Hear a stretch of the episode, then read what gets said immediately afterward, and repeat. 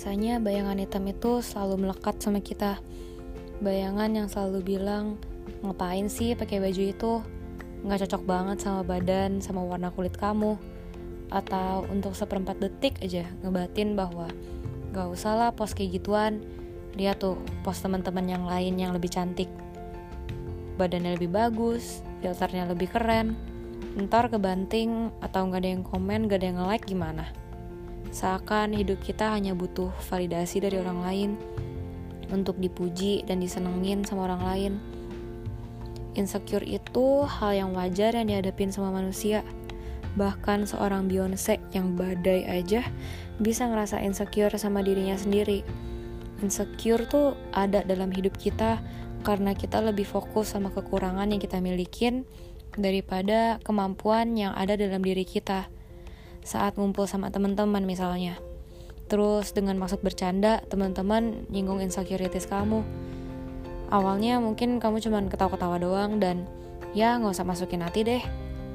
Tapi lama-lama itu yang menjadi gambaran cara pandang kita dalam melihat diri kita sendiri bahwa eh iya ya gue gendutan atau badan gue kepir deh gak proporsional mata yang sipit hidung yang gak sempurna banyak deh gue percaya dalam diri kita masing-masing ada sisi hitam dan sisi putih. Semakin kita kasih makan sisi yang putih, yang putih itu akan terus bertumbuh dan ngalahin yang hitam. Tapi kalau yang hitam kita lebih fokuskan dan kita kasih makan terus, dia akan balik makan lu dan mendominasi pikiran lu.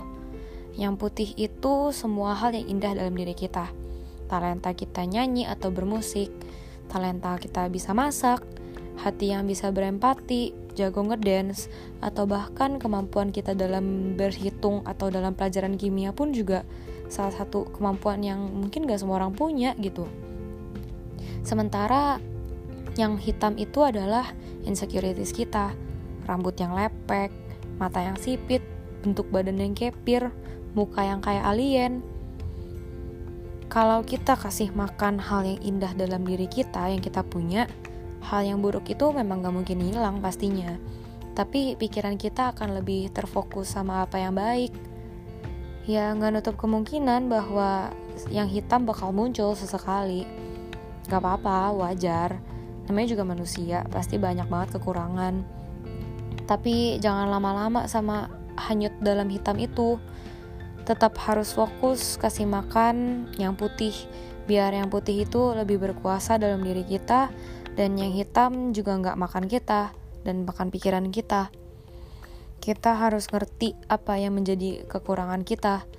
Terima aja kalau memang, oh gue unfortunate looking, tapi gue bisa gampang ngertiin perasaan orang lain, atau muka gue kayak alien, tapi gue juga masak, atau kamu gemuk dan berisi, tapi kamu jago ngedance.